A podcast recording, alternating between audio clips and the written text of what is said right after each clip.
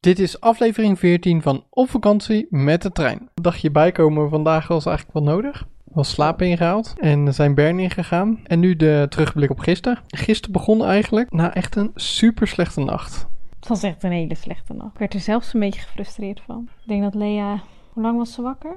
Anderhalf uur? Keurig bij mij op de bank gezeten. Komt niet meer aan. Fem wakker. Iedereen wakker. Hermes sliep.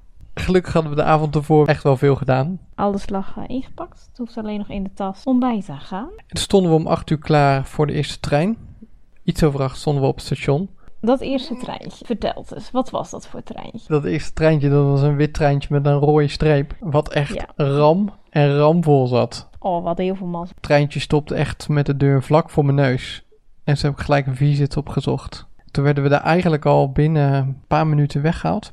Want er zijn dus in zo'n trein blijkbaar gereserveerde plekken en niet gereserveerde plekken. En dat wisten we niet. En we zaten eerst op gereserveerde plekken. En toen hadden we de allergrootste mazzel dat we dus op een vierzit niet gereserveerde plekken gingen zitten. Dat, was eigenlijk de mazzel van de hele reis. Want daarna moesten allemaal mensen in het gangpad staan en onder de bagagerekken zitten. Geen grapje. En wij hadden een hele plezierige vierzit.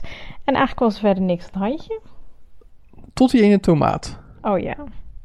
Fem at tomaatjes. Fem houdt van tomaatjes.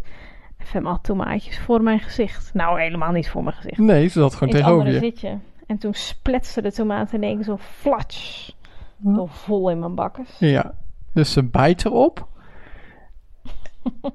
en op de stoel tegenover haar zit Carola. En Die krijgt tomaat in haar ogen en in haar gezicht en op de shirt eigenlijk overal. En het meisje wat naast je zat. Want we wilden eerst onze visit echt net met niemand delen. Omdat we gewoon kinderen hebben en het is irritant. En we zijn nu eenmaal met z'n vieren. Maar Carola kon het niet over de hart verkrijgen om toch dat ene plekje wat voor Lea was weg Een te geven. schuldgevoel zat minder weg. Ja, maar het was een heel lief aardig meisje. Maar dat moest heel hard lachen om de tomaat. Even in zijn algemeenheid hè. Wat doen we eigenlijk de hele dag in zo'n trein? Reclamefoldertjes knippen, boodschappenlijstjes maken. Mm, eigenlijk helemaal niet zoveel.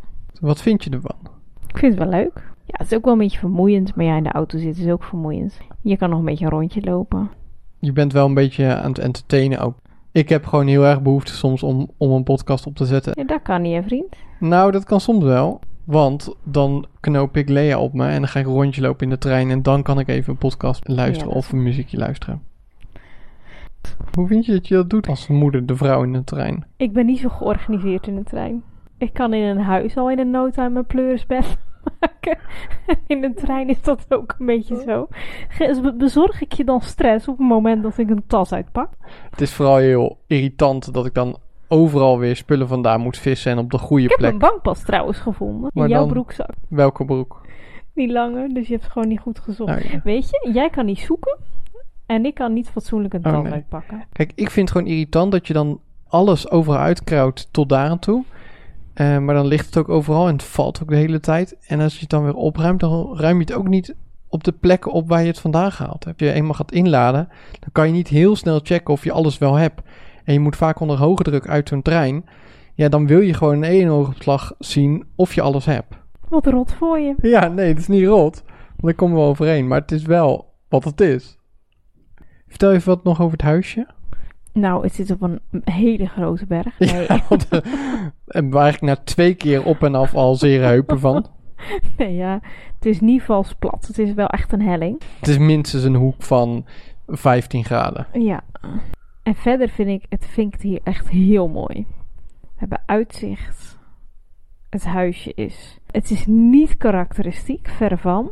Maar het is prima. Zeg maar, denk aan IKEA 2003. Van die vierkante kasten. Verschrikkelijke bedbank. Ja, Maar verder is Bern echt fantastisch. schitterend. Morgen meer over Bern, hè? Ja, is dat zo? Denk ik wel.